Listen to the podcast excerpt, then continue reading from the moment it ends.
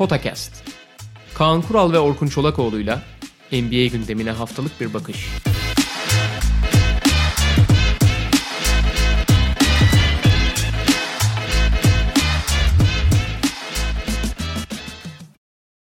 Merhaba Potakest'e hoş geldiniz. Kaan Kurallı birlikte sabah erken saatlerde kayda girdik. Playoff eşleşmelerinin hala aslında kesin olarak belli olduğunu söyleyemeyiz. Çünkü oynanacak play-in maçları var ama hiç olmazsa play-in'i kimlerin oynayacağı belli oldu. Diğer eşleşmeler zaten belliydi ve bugün hem play-in'e hem de playoff'ları, eşleşmeleri konuşacağız Kaan Kural'la birlikte.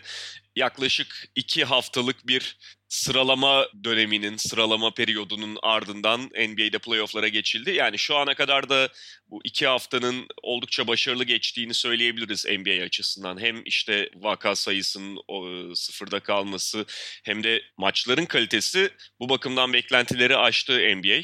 Tabii bundan sonrası daha önemli ama bu ilk düzlüğü çok başarılı geçtiler. Yani son günde yine devam eden bir heyecan vardı. Belki Phoenix'in ve işte şeyin oynadığı, Memphis'in oynadığı maçlar öyle heyecanlı maçlar olmadı. İlk yarısında neredeyse biten maçlar oldu ama Portland yeni bir drama daha yarattı son anda. Ya şey konusunda çok haklısın. Bir kere Adam Silver da dün söylemiş zaten. Hani beklediklerinden çok çok daha iyi olduğunu, önlemlerin inanılmaz sert ve ciddi olduğunu görüyoruz abi. Çünkü genelde şeydir hani belli e, e, yönetmelikler, belli direktifler koyarsın fakat e, bir, bir süre sonra işte üç gün sonra, beş gün sonra, bir hafta sonra insanlar yavaş yavaş gevşemeye başlar. Zaten bizim ülkemizdeki koronavirüsle mücadelede de görüyorsun. Hani önce insanlar dikkat ediyor sonra hani sıkılıyor, monotonlaşıyor, unutuyor. Yani iyi veya kötü niyetle bu düzenden çıkıyor ama NBA'in ne kadar ciddi yaklaştığını görüyorsun mesela. Diyan, çok kritik bir maçta DeAndre Ayton e, şeyi atladı diye oynatmadılar falan yani. E, herkesi istim üstünde, diken üstünde tutturmayı sürdürüyor NBA. Yani bir tane bile vakanın e, bütün bir e, çuval inciri berbat edeceğinin farkındalar. Şu ana kadar da çok iyi gidiyorlar. Hani maç kalitesi olarak da bence maç prezentasyonu işte sanal seyirciler olsun, genel atmosfer olsun, kamera açıları olsun. İlk izlediğimde hazırlık maçlarında ben biraz çok NBA 2K havası aldım. Tabii izleyicinin iz, alışmasıyla da alakalı ama gayet de güzel basketbol oluyor. Şey, tek sorun abi e, şu ana kadar bölümde söyleyeyim. Abi play-in oynamak isteyen yani playoff mücadelesi veren takımlar dışındaki takımların hemen hemen hiçbir amacı olmaması. Çünkü e, sonuçta bu sıralama maçıydı ama abi Batı 8. dışında sıralama ile ilgili hiçbir şey olmadı ya. Yani kimsenin bir sıralama derdi olmadı. Hatta tam tersine abi diğer takımlar sıralamada öne geçmekten çok geriye düşmeye çalıştılar. Batı'daki altıncılık evet. yarışında. Yani 4-5-6'da Houston'da eşleşmek istemediği için Utah şey yaptı. Geriye gitmeye çalıştı abi. Orada yani kazanmaktan çok kaybetme mücadelesi var gibi. Arada tabii çok güzel maçlar da oldu da pek rekabetçi olmadı. Biraz hazırlık turnuvası gibi oldu diğer takımlar için. Abi bakıyorsun ya play'in oynayacak takımlar en güzel basketbolu. Daha doğrusu en güzel de, en güzel demek ne kadar doğru bilmiyorum ama en rekabetçi basketbolu oynadılar yani. Phoenix takır takır oynadı. Bu arada mesela Phoenix'in elenmesi pek çok kişi için e, ne diyecek ne denir e, büyük hayal kırıklığı. Yani ben de tabii çok isterdim. 8'de 8 yapıyorsun ve hani ödülünü alamıyorsun gibi. Ama bence onlar en büyük ödülü aldılar abi. Yani zaten 8. olsan ne olacak? Hani playoff'a girsen de ne olacak? Bir yere gide çok bir ondan sonra önemli değil. Asıl kazanmaları gereken onların bir oyuncu iki ama ondan önemlisi oyuncudan önemlisi bir zihniyet değişikliğiyle kazanma odaklı bir abi son 6-7 senesini biliyoruz Phoenix'in. Ligin en lakayt, en umursamaz, en disiplinsiz, en kötü savunma yapan takımıydı. Abi şimdi çok değerli toplu, ne yaptığını bilen, isteyen, ısıran, kafa, abi böyle bir zihniyet değişikliği yapmak inanılmaz bir kere. Yetmezmiş gibi biraz da şans, bence San Antonio için de aynı şey geçerli. Bazı oyuncuların devre dışı kalması Hı-hı. takımda diğer oyuncuların şans bulup çok daha dengeli olmasını sağladı. Şimdi Michael Bridges ve Cameron Johnson normalde rotasyonda bir parçaydı ama e, ilk beş başladıkları için e, birinin hücum tarafındaki e, sahayı açması, diğerinin oyunun iki taraflı özellikle savunma tarafındaki etkili oyun iki taraflı oynamasıyla işte Booker hiyerarşide daha da yükseldi. Çok daha dengeli hı hı. ve çok daha ne yaptığını bilen bu dengenin belki yetenek olarak e, atıyorum Kelly Oubre vesaire olsaydı belki yetenek olarak biraz daha yukarıda olacaklardı ama dengeli olmanın da önemini anladılar vesaire. Phoenix asıl kazanması gereken şeyi fazlasıyla kazandı. Keza San Antonio da öyle. Yani yani evet, onlar da evet. işte Brynford ve Lamarcus Aldridge'in yokluğu sayesinde abi dengeli bir takım nasıl oynar onu daha çok gördüler. Yani e, daha atlet oyuncularla, daha çift yönlü oynayan kanatlarla vesaire. savunma, belli bir savunma kurgusu yapabilen bir takımın neler yapabileceğini gördüler. Onlar kazanacaklarını kazandı. Ha şimdi işte Memphis'in özellikle Jaren Jackson Jr. kaybettikten sonra hani burada olması biraz haksızlık gibi görülebilir. Öyle de bakmamak lazım abi. Hani bu 8 maçlık bir turnuva değildi abi. 60 küsür maçın devamıydı yani. Sonuçta 60 küsür maçta da Memphis fazlasıyla hak etmişti orayı. Yani kimse hak etmediğini söyleyemez. Aynen öyle. Burada tek burada, burkucu olan pardon sen devam et burada abi. tek konu işte hani son maç mesela Brooklyn'in canını dişine takarak oynayıp Portland'ı çok zorlayıp son topa bırakması. Portland kendi kazanmak zorunda kaldı. Rakipleri bırakmadı.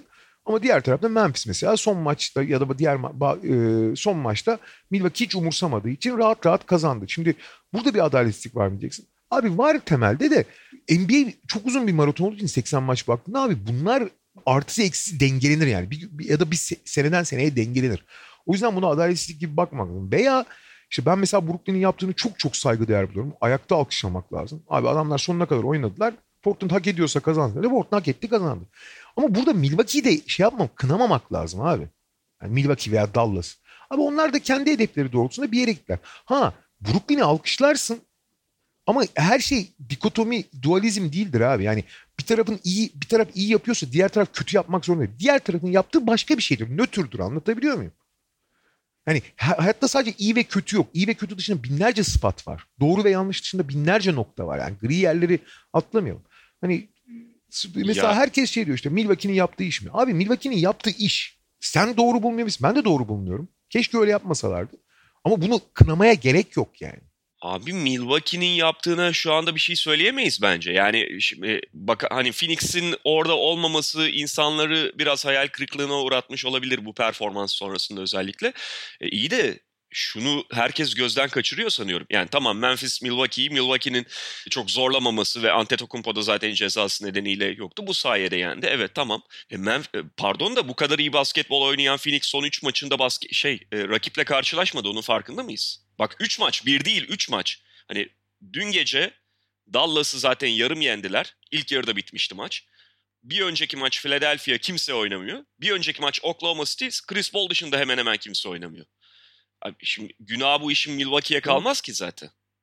Ya da işte San Antonio gözünden bakarsak, e San Antonio geçen hafta Utah'la karşılaştı. Utah'ta kimse yoktu abi.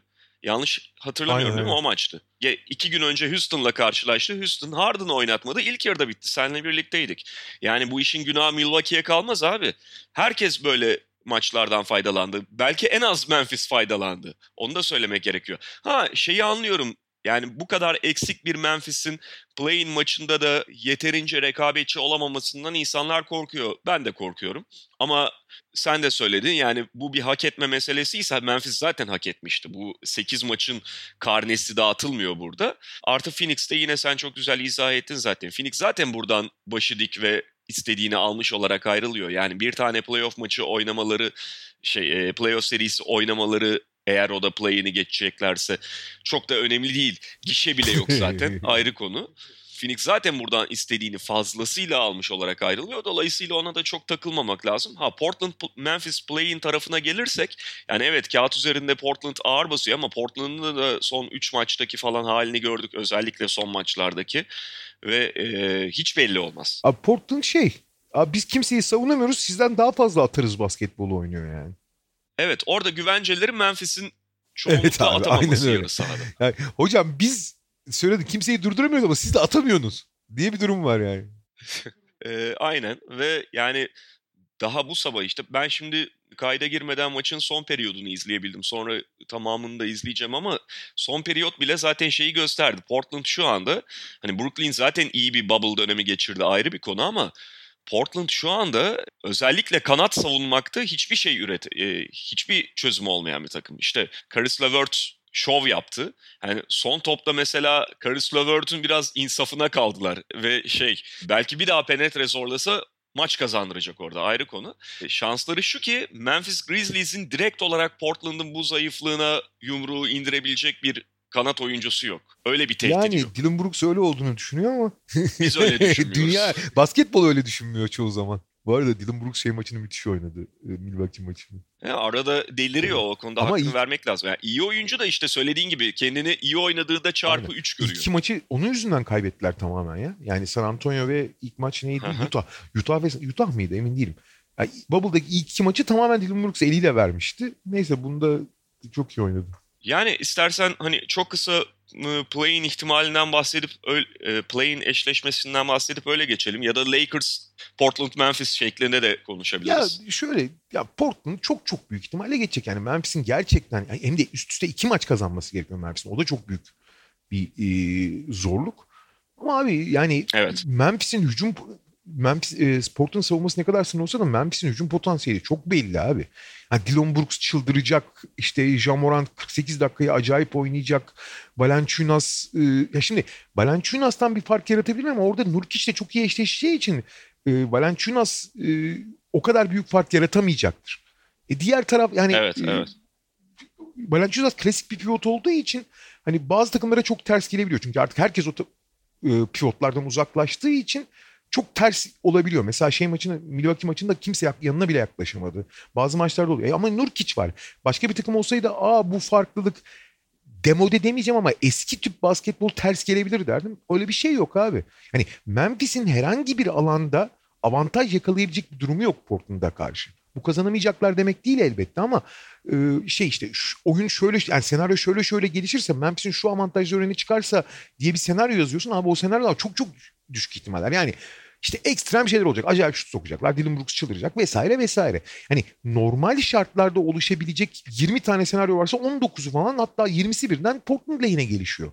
Peki o zaman Doğu Konferansı ile başlayalım eşleşmeleri konuşmaya. Milwaukee-Orlando eşleşmesi zaten bağıra bağıra geliyordu ve belli olmuştu.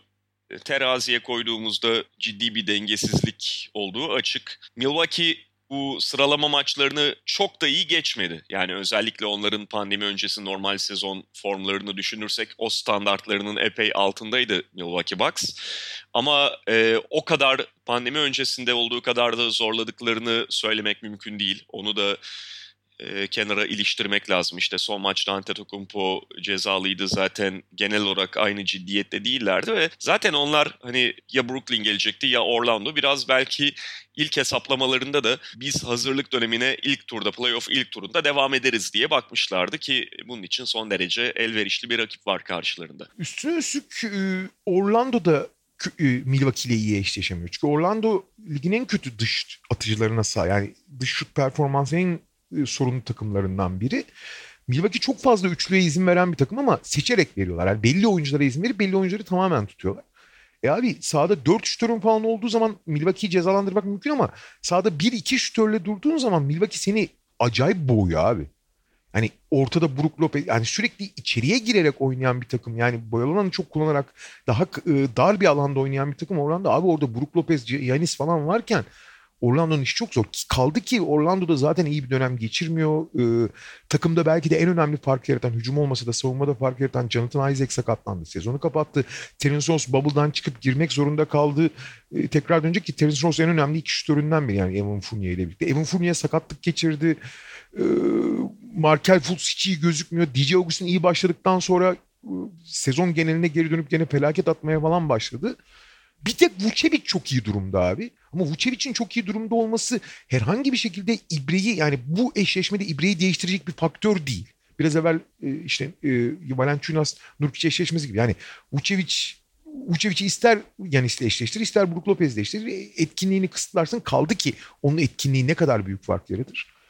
Çok zor yani hani Orlando'nun işi. Yani şöyle söyleyeyim bir de bu bubble ortamının yani tarafsız ortamının şöyle bir dezavantajı var.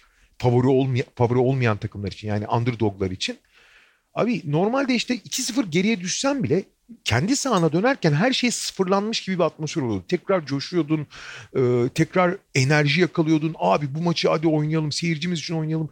Bir zihniyet değişikliği oluyordu ve e, tab- yani basketbol kalitesi, sportif kalitenin üzerine e, zihinsel faktörlerle bir dengeleme yapıyordum. Burada öyle bir şey olmadığı için abi geriye düşen takım underdogların falan işinin çok zor olduğunu düşünüyorum. Ben o yüzden Milwaukee 4-0 diyorum yani.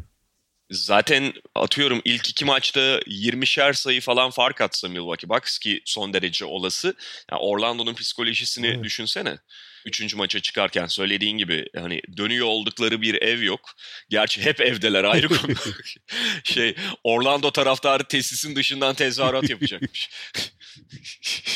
Yani e, dönüyor oldukları bir ev yok, ekstra bir faktör, ekstra bir motivasyon yok ve yani ilk iki maçın sonunda abi zaten bunlar bize çok ağır basıyor e, bıkmışlığıyla ve vazgeçmişliğiyle pekala oynayabilirler 3 ve 4. Bütün, maçları. O da sahaya bütün takımlar için geçerli olacak ve özellikle ilk turda bence işin biraz e, tatsızlaştırabilir o iş. Yani e, underdogların çok çabuk e, çöktüğünü, psikolojik olarak da çöktüğünü görebiliriz yani.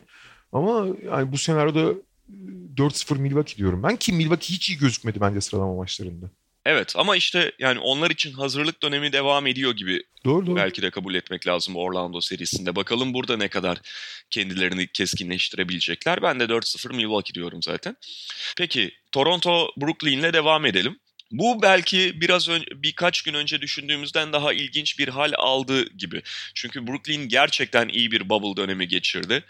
Ee, hani galibiyet mağlubiyet sayısından öte gerçekten sürekli rekabetçi kalabilmeyi hemen hemen tüm maçlarda başarabildiler. En son dün Portland maçında da çok takdire şayan bir mücadeleleri vardı. Yani mücadele ayrı bir konu. Mücadele biraz soyut bir kavram ama sonuçta somut olarak sahaya da bunu yansıttı. İşte az daha Portland'ı yeniyordu Brooklyn Nets.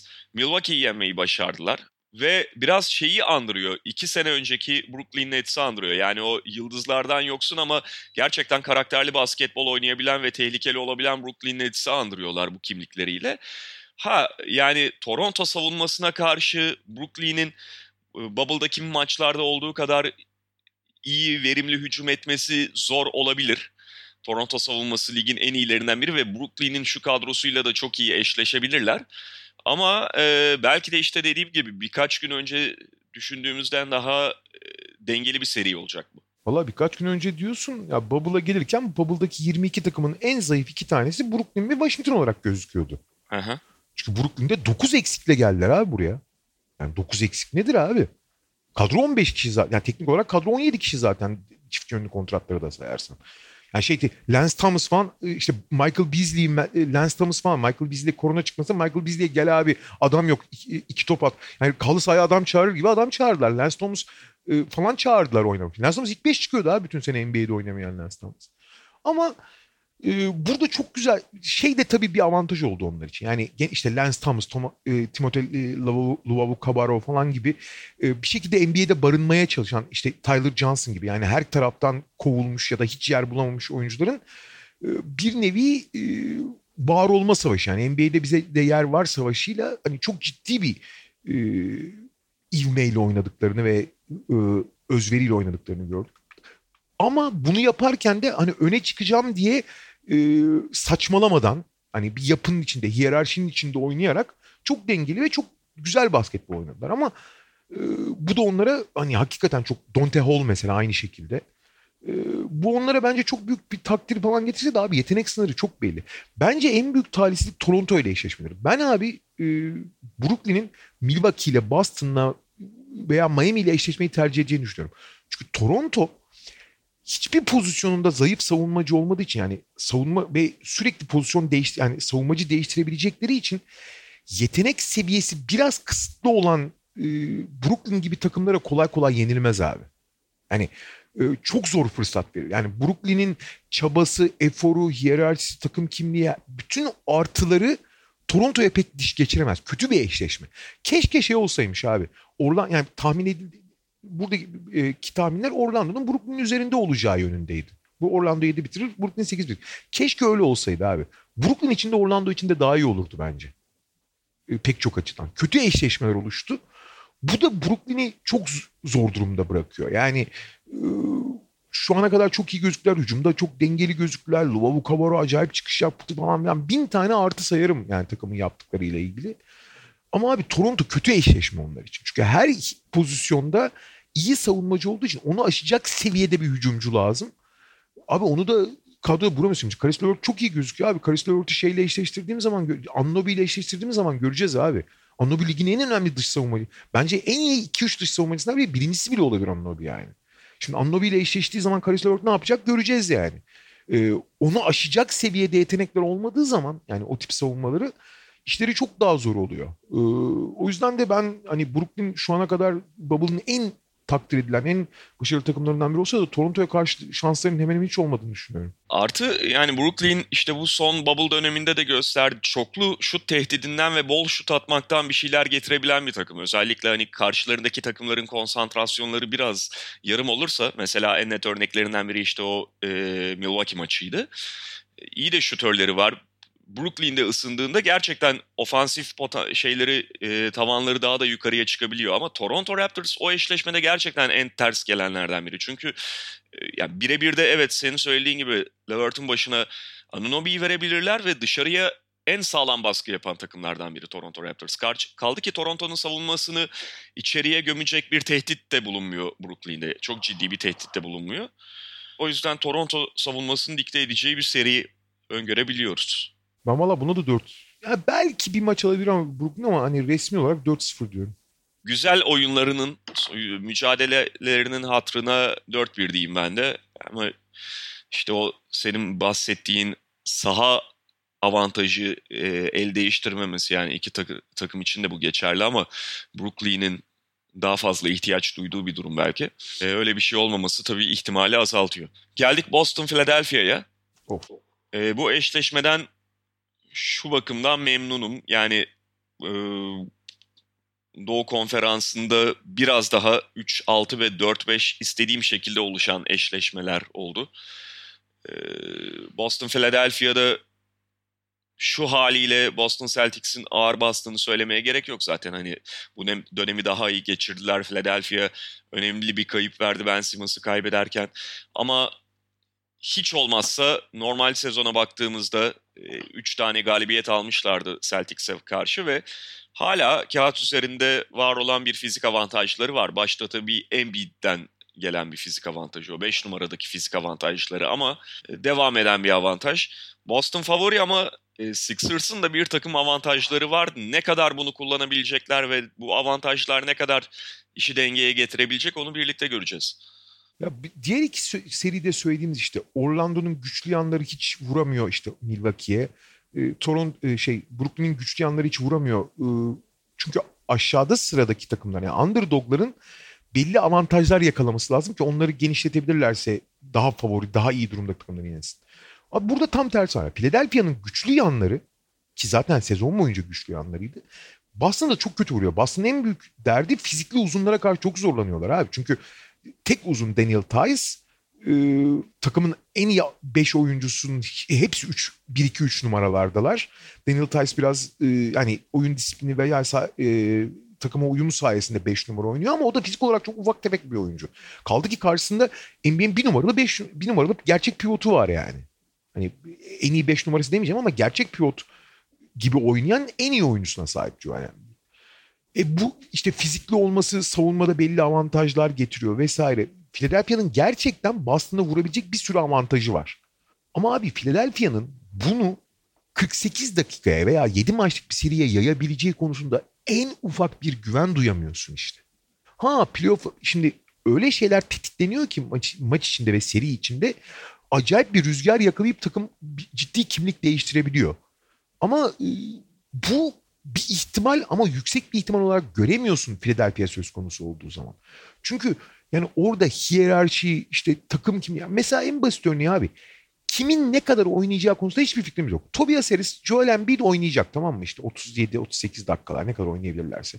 Muhtemelen Josh Richardson ama bunları tamamlayacak oyuncular Shake Milton, Furkan, Alec Burks, Glenn Robinson mesela bunları ne kadar oynayacağı, Mike Scott bunların ne kadar oynayacağı, rollerin ne olacağı falan hiçbir şekilde belirlenmiş değil. Sezon boyunca oluşturmaya çalışan aşurenin hala pişmediğini görüyorsun. Zaten pişse de aşure ama pişmemiş bir aşure bu yani. Ha, diğer oyuncularla Philadelphia biraz kazı kazan oynuyor zaten. yani hani o gün bir şey çıkacak mı işte Alec Burks'ten vesaire. Furkan'ın performansı, e, şut performansı. Tabii eşleşmede de tutabilmek önemli. Diğer oyuncular yani sonuçta Embiid etrafında bir şut tehdidi oluşturman gerekiyor ama o, o şut tehdidini istikrarlı alabileceğin oyuncu konusunda güne, güvenebildiğin çok az oyuncu var.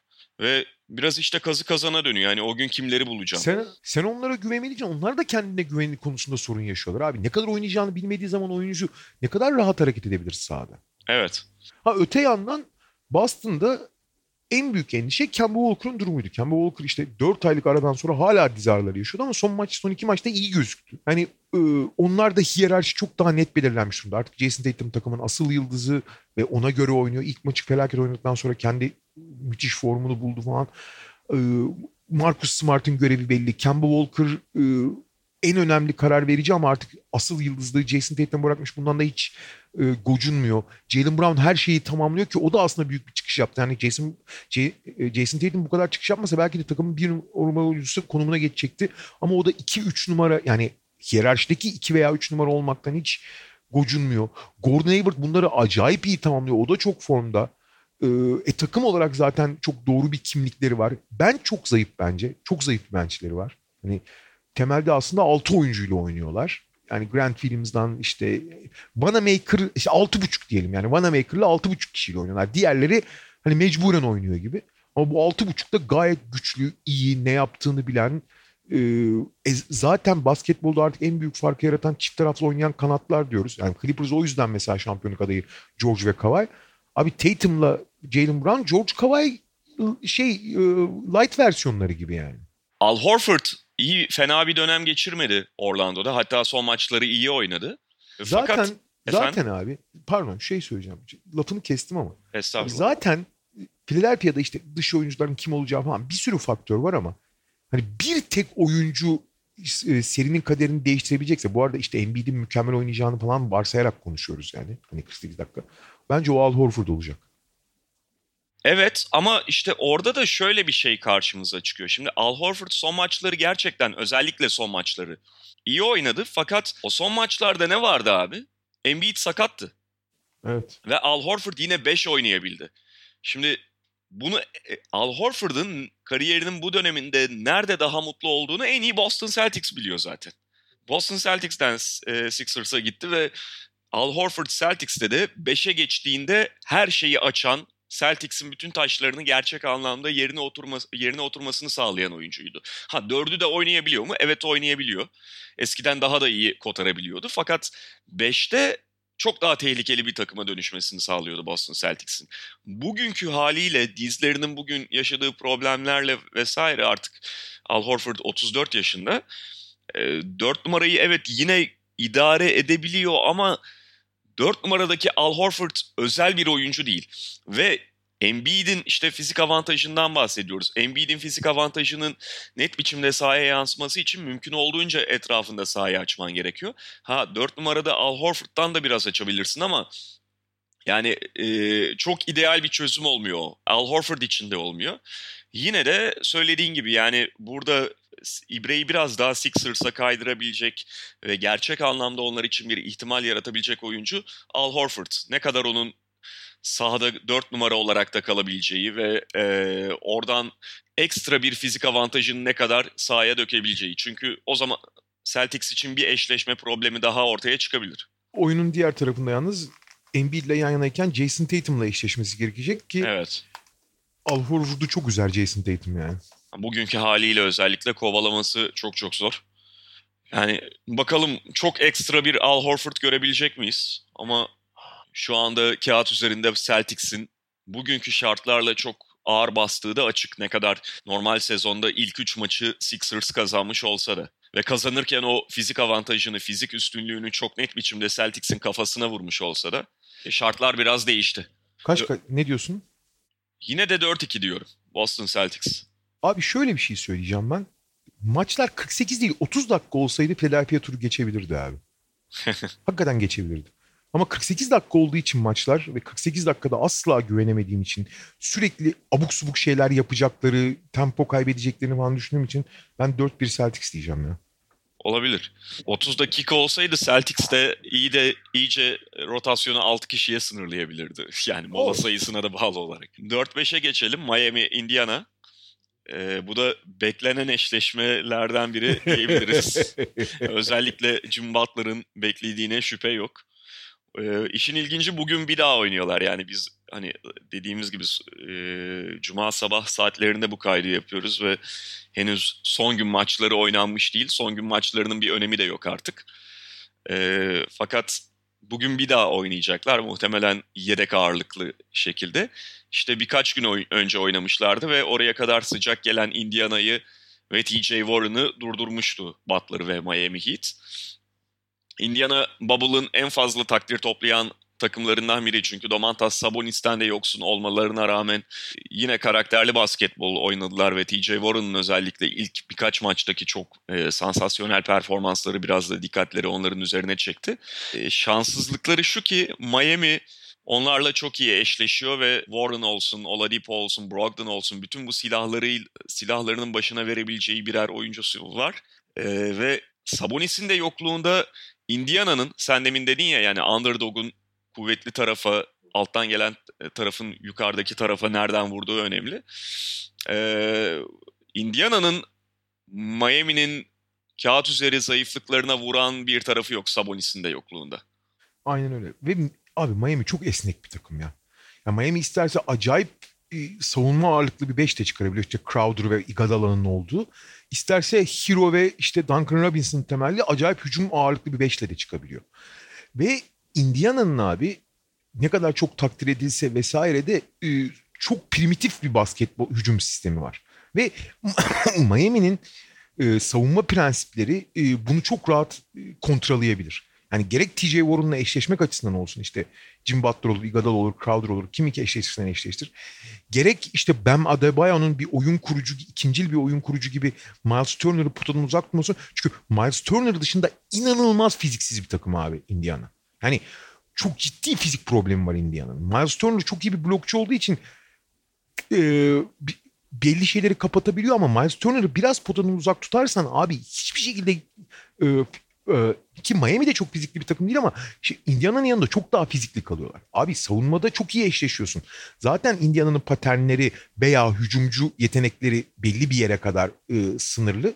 Abi Miami'ye karşı çok zorlanacak Indiana. Yani TJ Warren'ın ilk Bubble'ın ilk 4-5 maçındaki gibi delirmesi lazım ki kafa kafaya gelsinler. Yani TJ Warren'ı biraz yavaşlattığı anda e, Miami gerçekten kolay kolay skor bulmaz. Artı mesela şey de çok kötü. Indiana'nın ben burada Justin Holiday'in çok önemli bir rol olacağını düşünüyorum. Çünkü Justin Holiday çok önemli abi. Duncan Robinson'la eşleştirmek zorundalar. Çünkü Duncan Robinson'la eşleşecek başka oyuncuları yok. Duncan Robinson'ın bu handoff'tan falan aldığı oyunları hiç savunamıyor Indiana. Ve Duncan Robinson artık yani bir Damian Lillard, bir Stephen Curry kadar ciddi bir tehdit olduğu için yani on, tabii ki oyuncularla seviye olarak kıyaslamıyorum ama tehdit olarak öyle bir te- tehdit yarattığı için her şeyi çok kolaylaştırıyor Miami adına. Şey Indiana... diyelim abi Atlanta Kyle Korver gibi oldu Duncan Robinson. Yani tabii, tabii. Lillard ve Curry gibi toplu oynamıyor belki ama o takımı hatırlayanlar Korver'ın öneminde iyi hatırlarlar. Onun o şut tehdidi her şeyin oluşmasını sağlayandı aslında. Aynen öyle ve Indiana bununla da hiç eşleşemiyor. Yani bu doğudaki eşleşmeler çok kötü oldu aslında. Yani bütün eşleşmeleri değiştirsek çok daha güzel olabilirdi başka takımlarla oynasalar.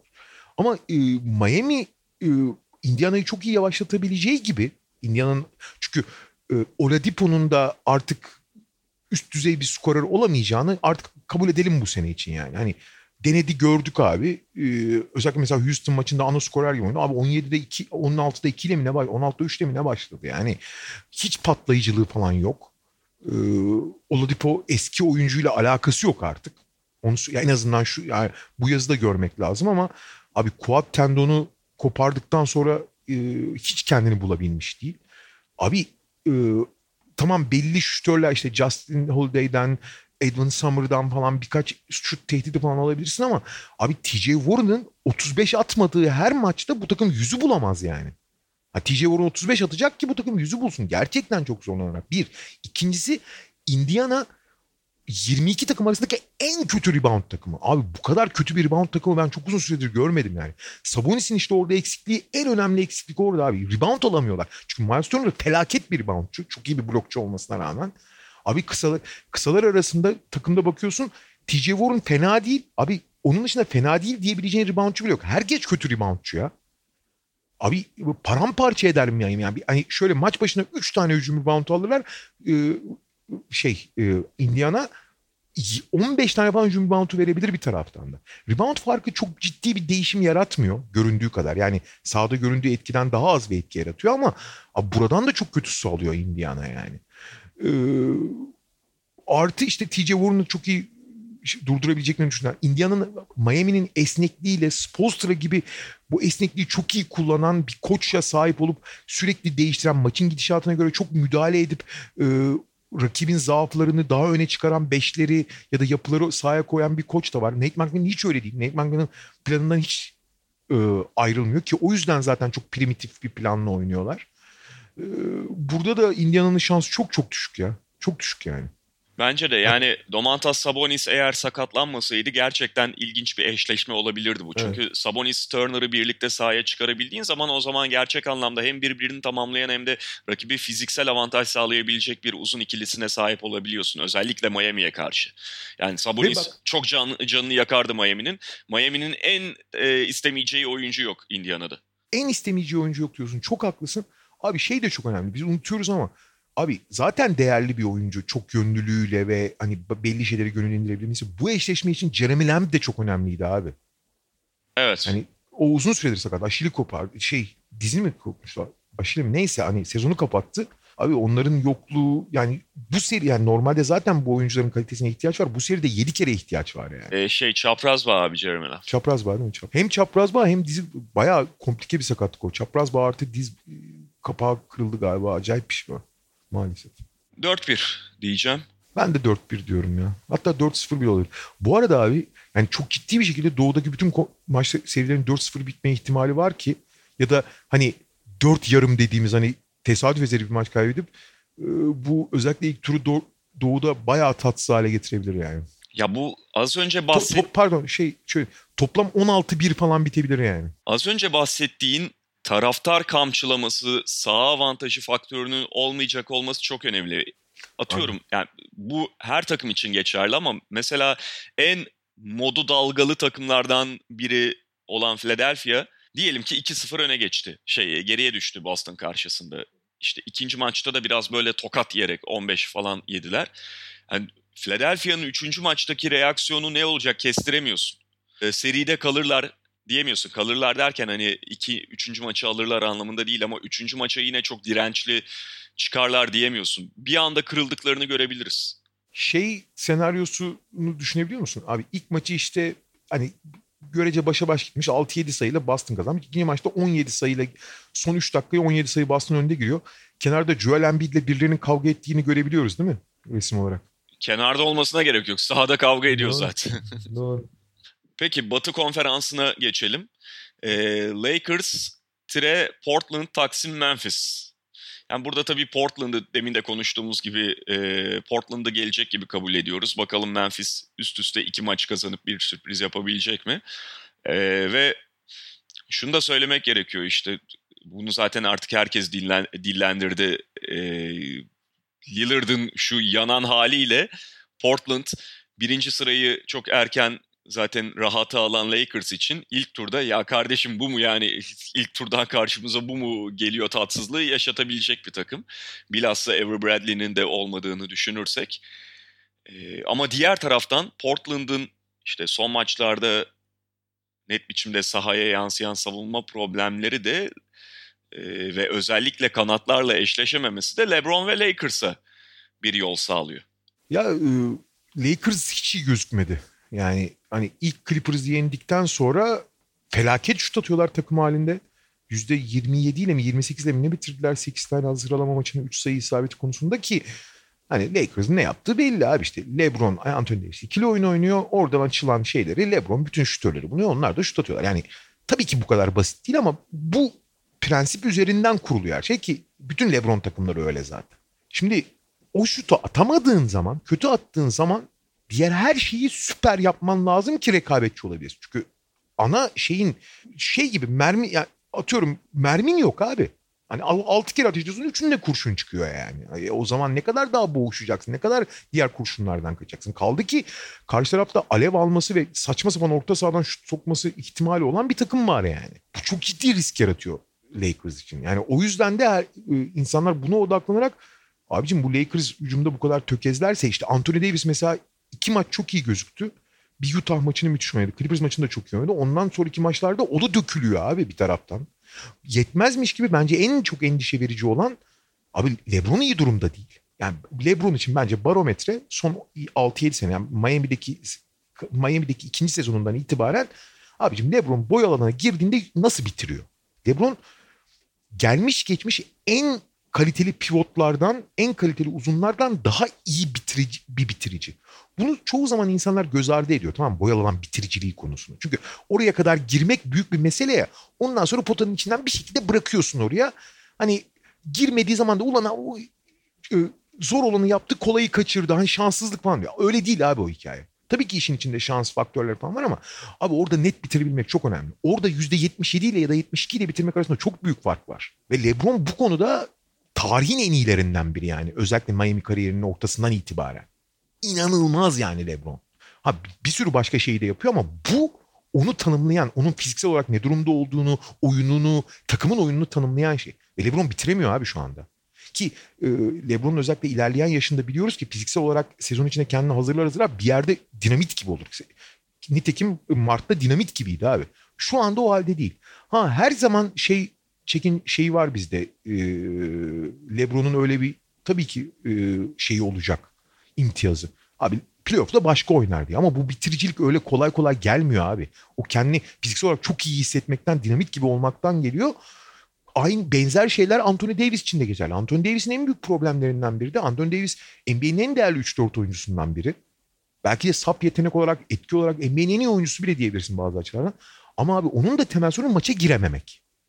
Yani bütün diğer yıldızlar maça kendi giriyorlar, kendileri oynar. Ama Anthony Davis'i maça gir, gir, sokmak gerekiyor. Allah'tan LeBron var yanında da bu hani oyundan düşmesine engel oluyor yani Anthony Davis'in.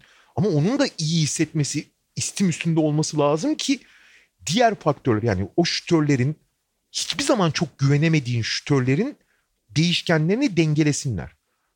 Hem de en çok güvendiğin şütör mesela. Danny Green en çok güvendiğin şütör değil mi? En sabit işte San Antonio tedrisatından geçmiş. Zaten tek bir iş yapıyor. Onu da e, büyük bir çalışma yapıyor. Abi Danny Green feci durumda yani. Evet. Çember diyor. Ve bu yüzden abi şeye falan kalmak zorunda kalıyorsun. Yani takıma buraya gelirken eklenen e, Dion Waiters ve J.R. Smith'e kalmak zorunda kalıyorsun. Abi onlar da büyük kumar yani. Ama onlara hani Dion Waiters'ın kendi kendine karar vermeye başladığı anda sıçtın yani abi. Sıçtın. Oralara düşmemen lazım yani. Ve bu çok karşı tarafta da acayip bir skor potansiyeli olduğu için hani çok formda bir geri trend e, çıldırmış, alev almış, Nova'ya dönüşmüş, süpernova'ya dönüşmüş bir şey e, Damian Lillard şeyin fiziğini görece dengeleyebilen Yusuf Nurkic ve Zach Collins falan dediğin zaman ha bir şeyler çıkıyor oradan ve iyi şut attığı zaman da Portland'ın hücumuna yetişemeyebilir Lakers diyorsun. Doğru bunların hepsi. Ama girip gelip senin en başında söyleniyoruz. Abi yani şöyle söyleyeyim. Eğer LeBron %75 bile olsa paramparça eder abi. Hiç eşleşemezler LeBron'la yani. Yani zaten LeBron'la ne kadar eşleşebiliyorsun ayrı konu da. Hani kim ne kadar eşleşebiliyor. Ama abi hani LeBron güle oynaya oynar yani. Ve LeBron gibi bir adam güle oynaya oynuyorsa birçok dengeleri alt üst eder. Yani Lillard'ın denge alt üst etmesinden daha büyük alt üst eder. Hiç eşleşemiyorlar LeBron'la. Hiç ama. LeBron'la eşleşemiyorlar. Anthony Davis'le de aslında Portland eşleşemiyor. Yani birinci olarak LeBron'la eşleşemiyor tabii. O daha fazla öne çıkıyor ama Anthony Davis de e, bilhassa Frank Vogel hep beklenen o Anthony Davis'i 5'e çekme hamlesini yaparsa çok baş ağrısı bir eşleşme Portland için. Ki yapı, ya, yapmak zorunda yapacak değil yapmak zorunda yani. Ya şöyle Portland'a karşı o kadar zorunda kalır mı emin değilim abi. Biliyorsun onu hep bir saklıyor gibi bir hali var ve Anthony Davis de e, mümkün olduğunca yıpratmamaya çalışıyor. Yani dörtte e, kalmasının Anthony Davis'in altında bunlar da yatıyor. Ama bir noktada bu seride olabilir, ileride olabilir. Beş kartını çok daha fazla oynamaya başlayacak. Onu zaten sezon içinden beri öngörebiliyoruz. Yani e, Anthony Davis Portland'a karşı en son sürekli 5 oynadığında ne olduğunu da 2 sene öncesinden hatırlıyoruz. Bu arada önemli bir faktör de var. Abi e, eğer CJ, bu arada CJ McCollum'un omuriliğinde küçük bir e, kırık belirlendi. E, beşinci şeyde omurunda. Abi bu hareketini kısıtlıyor. Ha büyük bir özveriyle falan oynuyor oynamasına. Şey maçında gayet iyi oynadı. Yani olabildiği kadar iyi oynadı diyelim. E, işte Brooklyn maçını. Ama CJ McCollum %100 değil. Hani CJ McCollum da %100 olsaydı o zaman Lakers için çok ciddi bir tehdit olabilirdi ama yani Portland'ın savunmada yaşayacağı sorunlar nedeniyle hücumda en üst seviyesinde olması lazım. Evet Gary Trent çok iyi durumda. Evet şey çok iyi durumda Damian. Ama CJ McCollum'un da çok iyi durumda olması gerekiyordu ki değil maalesef. Çok büyük bir talihsizlik. E, Carmelo de iyi durumda bu arada. En azından hücum tarafında işin. Zaten Portland çok savunma yapamıyor. Ya normalde de yapamayacaktı ama yani bu kadar da ağır darbe LeBron gibi bir darbe almayacaklardı belki. Ama CJ McCollum da bu durumdayken Portland'ın o sürprizi yapma ihtimali CJ McCollum tam olsaydı olabilirdi de o ihtimali düşüren bence önemli bir değişken. Ee, ya ihtimali işte şu arttırıyor, arttıranlardan biri. Yani yine aynı yerlere dönüyoruz ama Avery Bradley işte gelmeyen oyunculardan biri ve Bradley'nin Lakers'a en fazla lazım olduğu iki seriyi söylersek bir tanesi Portland olacaktı. Yani teorik bir seri ama bir tanesi Portland ve Lillard'tı. Diğeri James Harden ve Houston Rockets'tı. Hani Houston ikinci turda Lakers'ı bekliyor olacak mı ya da Lakers oraya çıkacak mı onlar ayrı konular ama e, ikisi üst üste geldi. Ha Houston gelmese mesela Chris Paul ve Oklahoma City'de Bradley'nin çok işe yarayacağı bir e, seri.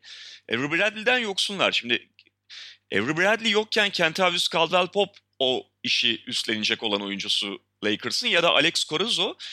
İşin ilginci ikisinin de ufak da olsa sakatlıkları var biliyorsun abi. Mesela dün oynatmadılar. Salıya kadar ilk maçı salı günü oynayacak bu takımlar seride. Salıya kadar ne kadar düzelirler, ne kadar o sakatlıklar can sıkıcı e, ve oyuncuları kısıtlayıcı onlar ayrı konu ama böyle bir durum var Lakers açısından da. Ve şutörlerin hep birlikte çöküşünden sen de biraz da biraz önce bahsettin. Geçen hafta da zaten bahsettik. Yani en güvendiği şutörler işte Kentavius Caldwell-Pop formsuz, Green çok formsuz, ölü gibi bir Denver maçını iyi oynayabildi. Bradley de zaten yok. Valla aslında kendisini adasa Dion Waiters orada çok iş yapar. Çok fizikli, çok uzun kollu falan bir savunmacı. Tabii kafası yani o konularda çok aptalca seçimler yapabiliyor ama bir opsiyon olabilir eğer yani şey var malzeme var da onu çalıştıracak işletim sisteminde sorun var. Peki seri tahminin? Ben yine 4-1 Lakers diyeceğim. Ben de 4-1 yani 4-2'ye kayıyorum da böyle hani çok yakın 4-1 diyeyim. Ben de ben de. Ama şey LeBron çok şey belli yerlerde çok ağır basacaktır diye umuyorum. Hani gördüğümüz LeBron endişe verici olsa da. Bir de gerçi hani cumartesi bitirirlerse iki günlük bir boşluk olacak da öyle ya da böyle Portland'ın biraz yıpranmışlığı olacak tabii, seriye gelirken. Tabii tabii tabii. Yani 9 maçın 9'unu da full eforla oynadılar. Ve çok Lakers, dar kadroyla. Evet. Yani Lakers güle oynaya geldi yani. yani kesin. Peki e, Clippers Mavericks sezon içerisinde daha hiç ortada pandemi falan yokken e, Clippers Mavericks maçlarından sonra çok dillendirilen bizim de konuştuğumuz bir şey vardı. Yani Dallas zaman zaman çok tehlikeli olabiliyor işte belli beşleri onların ofansif olarak zaten tarihin en iyi seviyesine çıkmış durumda. Ama en bela eşleşme belki de onlar için Clippers. Yani direkt olarak Kesinlikle. çünkü Doncic'in üzerine verebilecekleri e, iki tane çok iyi savunmacı var. Değişmeli olarak gerekirse savunurlar. E, Clippers'ın kağıt üzerinde en zayıf noktası olarak duran fizikli beş savunma konusunda Porzingis'in çok net vurduğu bir taraf yok. Çünkü Porzingis uzun ama o tip bir basketbolu yok. Kristaps Porzingis'in. Po- ve... Porzingis iki numara abi. Evet Hücumda. uzun bir iki numara. Uzun bir iki Hı. numara. Dolayısıyla Clippers'ın zayıflıklarına gerçek anlamda Porzingis üzerinden bir e, çökme durumu olamıyor Dallas Mavericks'in. Ve yani, e, burada Clippers Dallas'ın kuvvetli taraflarıyla zaten çok iyi eşleşiyor ve e, Clippers'ın bütün o kuvvetli taraflarıyla Mavericks'in ne kadar iyi eşleşebildiği büyük bir soru işareti. Mavericks zaten kimseyle eşleşemiyor kolay kolay. Yani tarihin gördüğü en iyi hücumlardan biri olduğu için ve Doncic yeni LeBron olarak bunu muazzam yönettiği için e, yani yediğinden fazlasını atarak kazanıyor zaten Dallas. Ama özellikle Doncic'in en iyi eşleşebilecek belki de tüm NBA'deki en iyi eşleşebilecek 5-6 oyuncudan ikisine sahip olduğu için Clippers e, yazık yani hani Dallas'a. Dallas gerçekten çok tehlikeli bir takım. Yani mesela abi Dallas şeyle oynuyor olsaydı Lakers'la iş çok başka yerlere giderdi yani. Hani hakikaten çok başka yerlere gidebilirdi. Hatta şöyle söyleyeyim. Hani ilk dört sıradaki takımları düşünüyorum. İşte Houston, Denver, Lakers, Clippers. Abi diğer üçüne karşı Dallas'ın çok ciddi şansı olurdu. Hatta Denver'a ve Houston'a karşı favori gösterirdim ben Dallas. Ama Clippers başka abi. Clippers çok başka. Yani bu takımlardan çok çok daha iyi olduğu için falan değil. Gene eşleşme sorunu. Bu arada ilk turda ne kadar kötü eşleşmeler denk gelmiş ya. Yani Doncic'le bu kadar iyi eşleştikten sonra artı ikincil top yönlendirici olarak kullanabileceğin işte mesela Curry de sakattı dönüyor. Curry sezonun son bölümünde çok formdaydı ve topla biraz oynayabildi ve çok ciddi bir şut tehdidi yarattığı için çok etkili. Ama onunla da çok iyi eşleşiyor Clippers. İşte Pat Beverly'yi başına verebiliyorsun falan. Ee, Clippers'ın en büyük şanssızlığı e, ya da en büyük eksisi diyelim. Senin söylediğin gibi fizikli takımlara karşı, fizikli uzunlara karşı zorlanabildikleri gibi doğru düzgün bir ritim hiç bulamadılar. Bir sürü oyun yani zaten çok eksiklerdi. Hiç doğru düzgün idman yapamadılar vesaire. Ha bundan çok zarar gören bir takım değil. Yani bir Boston veya e, ne bileyim Miami gibi bir arada oynayan bir takım olmadıkları için hani çok zarar görmüyorlar ama abi yani Montrezl bir e, daha yeni geldi şeye kampa mesela ki çok oyuncu geç geldi falan. Ee, Paul George dışında bu dönemi iyi geçirdi diyebileceğin oyuncu yok neredeyse yani. Kavay da Kavay gibi oynuyor neyse ki. Ama zaten o ikisi yetiyor ama takım halinde bir arada göremedin, bir arada ne yapacakları bileyim. E, çok geniş bir kadroları var ama bu geniş kadro bir arada oynamadığı için hiyerarşisi de çok tam oturamadı. Ama oralarda mesela Dark Rivers iyi iş çıkarır. Yani hiyerarşiyi sahada görmese bile kafasında çok iyi oturtur. Yani çok problem yaşayacaklarını zannetmiyorum. Hani kimi kullanacağım konusunda Dark Rivers'ın e, çok endişe şey e, problem yaşayacağını zannetmiyorum. E, ve işte Dallas'ın etkili olabildiği yerler konusunda da çok rahat olduğu için şey Clippers maalesef belki de batıdaki en iyi üçüncü takım bile diyebilirsin Dallas'a ama en çarpmamaları gereken taşa çarptılar yani. Yani olağanüstü hücum etmeleri gerekiyor. Sen de söyledin zaten Dallas öyle bir ihtimal e, yaratabiliyor kendisine. Fakat Clippers ufak bir takım problemlerini çözebilir ve e, yani bildiğimiz standart savunmasını yapabilirse özellikle Doncic üzerinde o olağanüstü hücumun işlemesi çok zor. Çok zor. Yani zaman zaman Doncic mesela çok yorgun gözüktü. Onu işte istatistikle falan maskeliyor, fark ettirmiyor bazen ama e, çok yıpranıyor Doncic. Çok da normal ve, çünkü tamamen yük onun üzerinde Dallas'ta. Her, her şey onun üzerinde dönüyor ve abi o, o direkt top kayıplarına yazıyor. Bak top kayıplarına Abi bu seride 40 dakika oynayacağını varsayarsak Doncic'in abi 7 top kaybı ortalamasıyla falan oynayabilir seriyi yani. Bir... Gene, gene etkili ol, olacaktır belli oranda ama abi çok ciddi top kaybı yapacaktır yani. Bir top kayıplarına yansıyor bir de şey oluyor artık bir noktada böyle gidemiyor potaya doğru çok hmm. uzak mesafeli step back falan atmaya başlıyor. Ee, oradan da belli oluyor yorgunluğu, yıpranmışlığı ve Clippers onu çok yıpratacak işte. Yani çok büyük bir şanssızlık gerçekten Dallas açısından. Ligin en bela iki dış savunmacısı belki de direkt Doncic'in üzerine geliyor şu anda. Ne diyorsun seriye? 4-1 Clippers diyor. Vallahi ben buna da 4-1 diyorum. Lan bir tane daha çekişmeli seri bulamadım. Yani arada böyle işte özellikle ilk turlarda e, belli özelliklerinin hatırına aşağıdaki takımların bir maç veriyoruz. Dallas'ın hücumu hatırına, Portland'da Lillard'ın hatırına. E, gerçi Portland'ın 4-1'inin yakın bir 4-1 olacağını söyledik yani. E, o farklı baktığımız bir şey ama e, böyle kimseye de 4-0 demiyoruz. İlla birilerinin hatırına bir galibiyet yazılıyor. Valla ben dedim 4-0 gayet. Hatta ben dediğim gibi Doğu Konferans'ta 16-1, 16 16-1, 16-2 falan bitecek diye düşünüyorum. Bakalım. Ha, Hem, gelelim gelelim daha e, lezzetli bir seriye. Bu eşleşmeden memnunum Denver Utah'tan. Hı hı. E, çünkü yani biraz daha böyle dengeli stil kontrastı her zaman güzeldir ama bazen de böyle iki tarafın en önemli ağırlıklarının e, aynı olması da güzel. Birbiriyle, birbiriyle iki uzun çarpışacaksa mesela burada Rudy Gobert, Nikola Jokic'te olduğu gibi. Ve Denver-Utah eşleşmesi bize bunu veriyor. Ben şeyden memnun değilim abi. İkisi de e, bir sürü hesap yapıp bu sıralarda kalmak ve birileriyle iyileştirmek için çok oyun yaptılar. Ben cezalarını görmelerini istiyordum. Görmediler maalesef. Olsun. Olsun. Ee, Denver yavaş yavaş kadroyu e, olabildiğince toparladı. Hala eksikler ama. Adam adamları toparlıyor diyorsun. Telefonla abi akşam 9-10 halı saha var. Gelir misin diye diye birer ikişer toplamaya başladılar oyuncularını. Yani hala tam kadro değiller en azından sezon biterken ama e, biraz daha bu bubble'ın başlangıcına göre turduklarını söyleyebiliriz. E, Utah'ın eksiği malum. Bogdanovic onların en önemli e, dış şutörü ve çok ciddi bir eksik elbette. Maçlarda da zaman zaman gördük ne kadar etkilendiklerini. E, fakat dediğimiz gibi hani dengeli bir eşleşme Denver ve Utah arasındaki eşleşme. Gary Harris hala yok ki büyük ihtimalle olmayacak. Will Barton da sakattı ama Will Barton'ın oynama ihtimali çok daha yüksek. Ee, ama bütün bu hazırlık dönemini en önemli üç kısasından yoksun oynadılar. Cemal Murray oynadı yani son iki maçta oynadı ama o da yeni yeniyor. Bu üçünden de yoksun oynadılar zaten. Fakat bu da bir şeye fırsat verdi. Ee, abi Denver'ın iyi olması için bu üç oyuncunun oynaması lazım tamam mı? Fakat Denver'ın çok iyi olması için bu üç oyuncu yerine yani hiyerarşide Nikola Jokic'in altında ikinci yazılacak oyuncunun Michael Porter Jr. olması lazım abi. Yani Cemal Murray'nin önüne geçmesi lazım Michael Porter Jr.'in hiyerarşide. Ya da aynı seviyeye gelmesi lazım. Benim önüne geçmesi belki biraz abartılı olacak ama da, çok iyi olması için. Bunu kaldırabilir mi Michael Porter Jr.? Yetenek olarak evet ama oyun olgunluğu, devamlılık falan açısından daha bir sakin olmak lazım. Abi iki senedir doğru düzgün oyun, basketbol oynamayan iki seneyi bırak.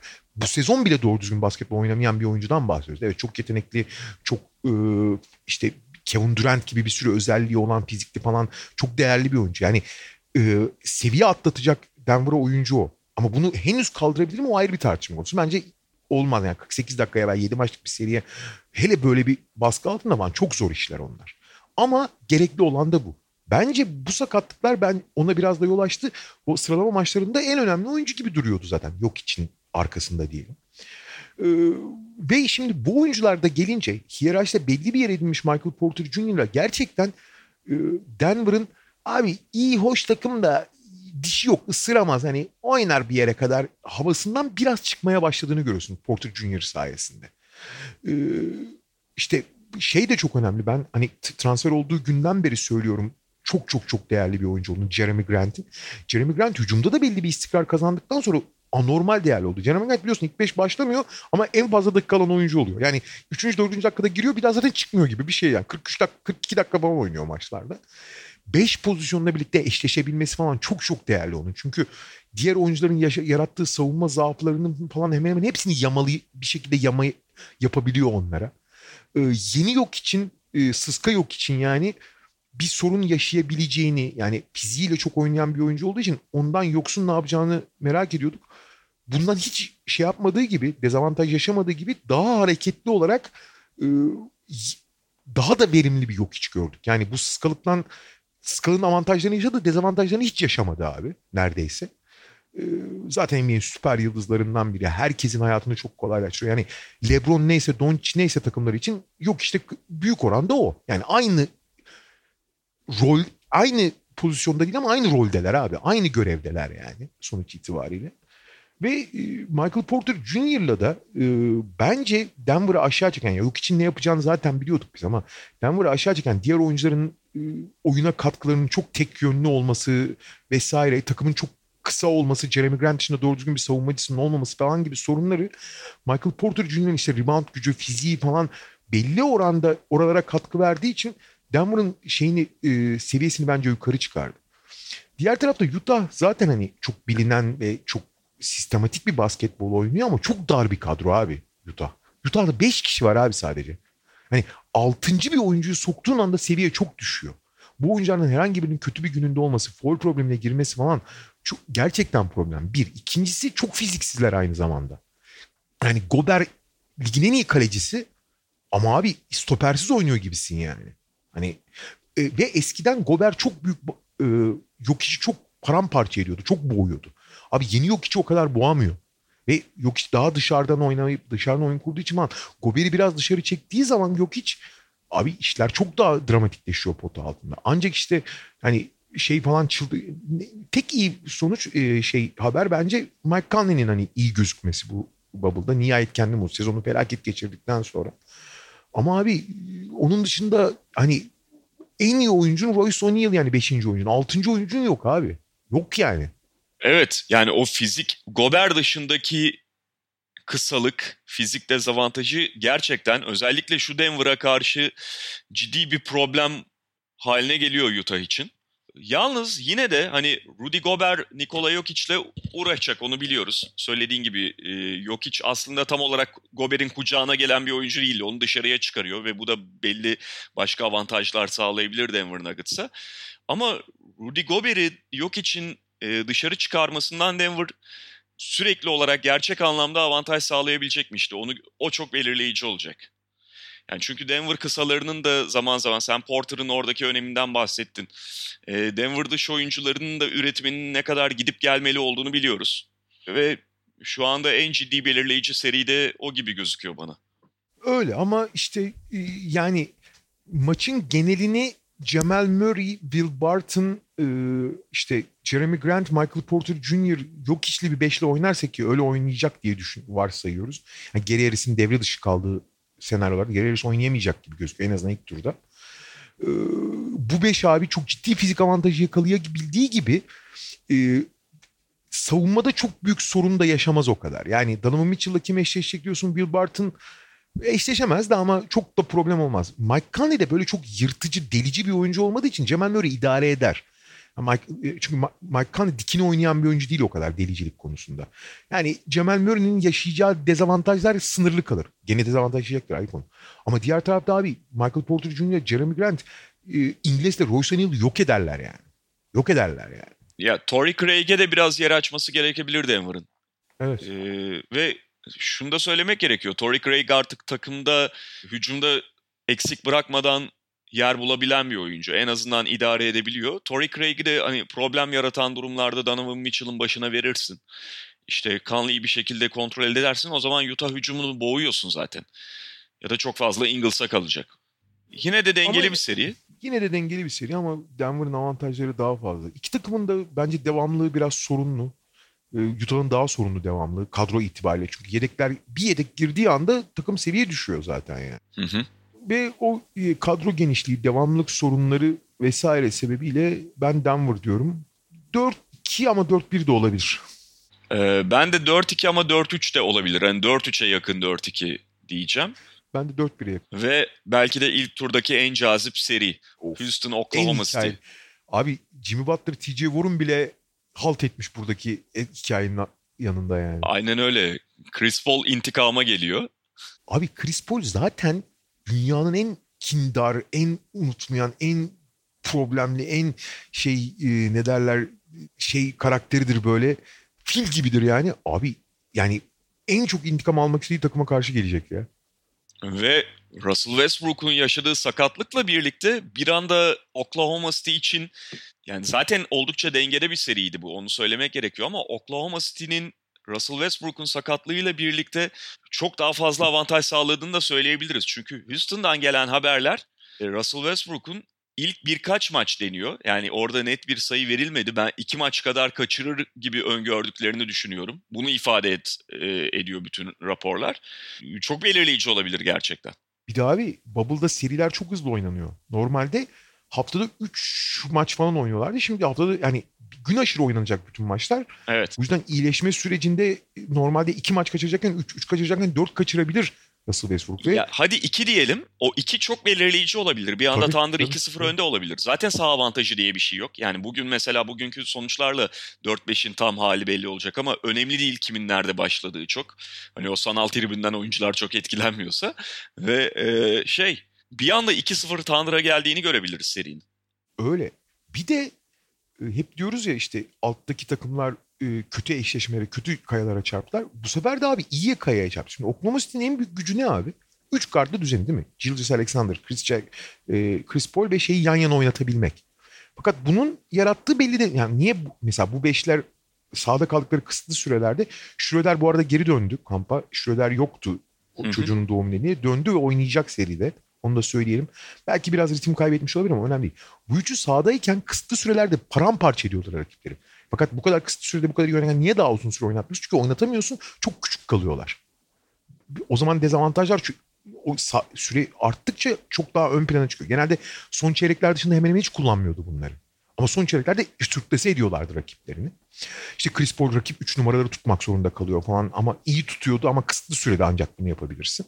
Ve işte Gallinari de çok fizik, yani fizikli olmasına rağmen fiziğiyle oynamayan bir oyuncu olduğu için sadece Steven Adams bir nevi Rudy Gobert gibi ama Rudy Gobert'in daha kısa ve daha az hareketli hali ama beton gibi haliyle idare etmeye çalışıyorlardı. İşte diğer gardların yırtıcılığıyla falan. Ee, Houston'da böyle bir sorun yok abi. Houston'da fizik olarak Houston ilginç olarak çok kısa ama fizikli bir takım. Fakat çok fizik üzerinden oynayan bir takım değil. O yüzden de yani bu kısaların rakiplerin şutunu sadece şutuna kalmaları yeterli. Çünkü Daniel House'lar, şeyler, e, James Harden, ne bileyim e, Ben McLemore falan ya da Robert Covington fiziğini kullanarak oynayan oyuncular olmadıkları için fizikli olmalarına karşın ya da PJ Tucker bu bir sorun yaratmayacaktır Oklahoma'ya. Oklahoma'nın e, avantajlı olmak için sahaya sürdüğü beşe cezalandıramayacaktır Houston yani. Bu da Oklahoma için çok ciddi bir pencere aralıyor. Artı Chris Paul zaten hani her maça bileniyor. Bu maça 7 kat daha bilenmiştir.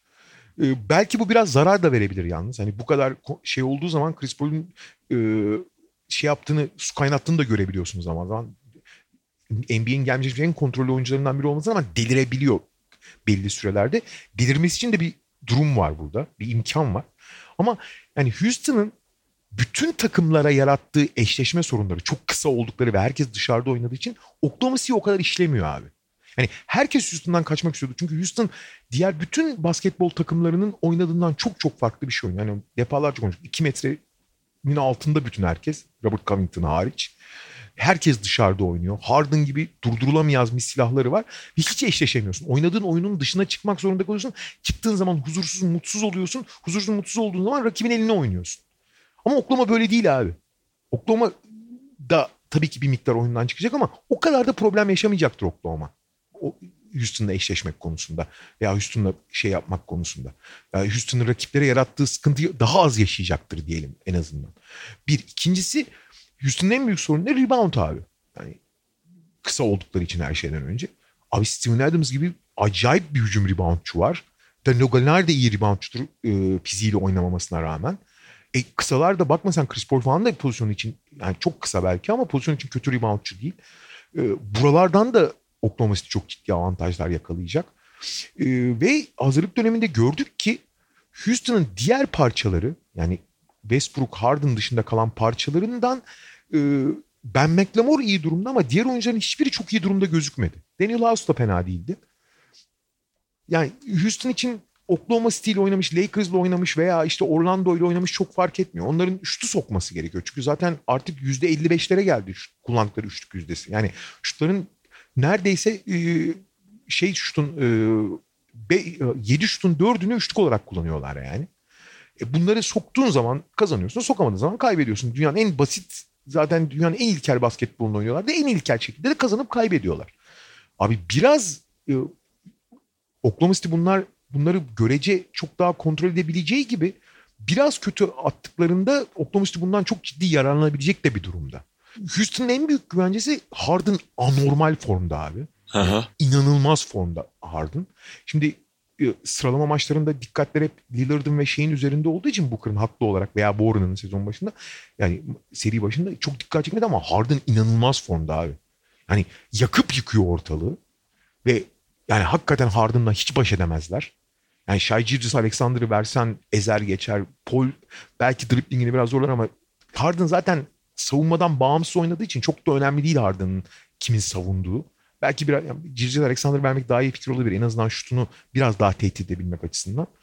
Ama Harden bu kadar formdayken herkesi bulurken bütün şutörleri hep doğru yerlerde buluyor. Kendi skorunu buluyor. Verimli oynuyor, yüzdeli oynuyor falan. Her şeyi yapıyor. Ama Westbrook'un olmadığı senaryolarda Abi ikincil bir tehdit ki Westbrook bu takımın şeydi.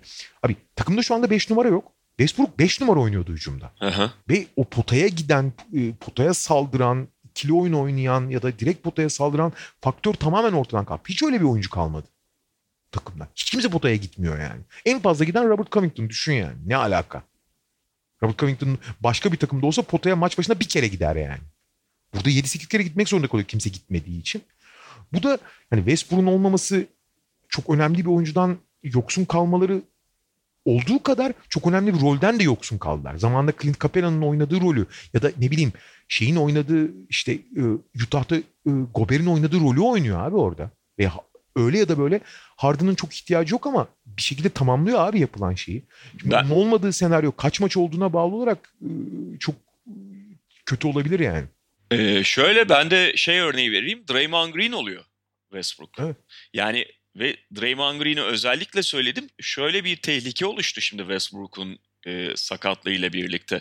Oklahoma City bence ilk toptan itibaren orta alanda e, şeye getirecek. Baskıyı getirecek. Tabii. Çünkü başka bir şey mantıklı değil Tanrı için. Yani sen söyledin çok formda bir Harden. Neden bıraksınlar ki birebiri? Bir iki belki test ederler ayrı konu. E, bırakmalarının hiçbir anlamı yok. Şu anda çok ciddi bir avantajları var. Orta sahada direkt getireceksin double team'i elinden çıkarmaya zorlayacaksın.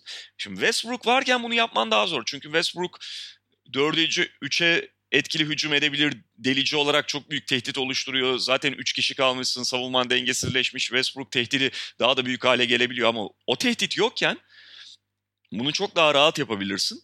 Ve zaten Houston'ın e, Westbrook'u en çok arayacağı konu da bu. Kesinlikle. Peki ne diyorsun abi seriye? E, şu anki Westbrook'un Westbrook'un iki maç kaçırdığını ve tam güçle döndüğünü düşünüyoruz üçüncü maç. 4-3 Çünkü Thunder diyorum. Böyle bir varsayım yapmak zorundayız abi. Evet 4-3 Oklahoma City Thunder diyorum. Yani iki maç üzerinden alıyoruz Westbrook'u ve işte üçüncü maçtan itibaren de e, sanki hiçbir şey olmamış gibi oynayacak. Yani böyle bir varsayımla tahmin yapacaksak eğer ben 4-3 Thunder dedim. Ben de 4-3 Thunder diyorum ya. Çünkü şey olacak abi. Westbrook döndükten sonra seri dönecektir ama serinin sonuna geldiğinde çok yıpranmış, çok yorulmuş. Ee, bu arada iki takım da yani Oklahoma City de çok dar bir kadro. Yani onlar da 6 kişiyle falan oynuyorlar. Onların da alternatifi az ama e, fizik dezavantajına sahip yani daha doğrusu kısa olduğu için çok daha e, rebound için mücadelesi get- etmesi gereken Houston'ın daha çok yıpranacağını düşünüyorum. Ya ya neyse 4-3 tan ya da ben 4-3 Houston diyeceğim ya gene. 4-3 Houston diyeceğim ben. Yani bunu da Yani- sağlayan Harden oluyor. Harden tabii tabii tabii. Yani Harden'ın biraz biraz kötü oynadığı maçları kazanma ihtimalleri yok yani. Ha, şöyle söyleyeyim biraz kötüyü bırak. Harden'ın çok iyi değil sadece iyi oynaması bile yetmez yani. Kazanamazlar. Evet. Peki böylelikle kapatıyoruz. Playoff öncesi programımızı bakalım nasıl sonuçlar, nasıl maçlar ortaya çıkacak. Tekrar görüşmek üzere diyelim. Hoşçakalın. Hoşçakalın.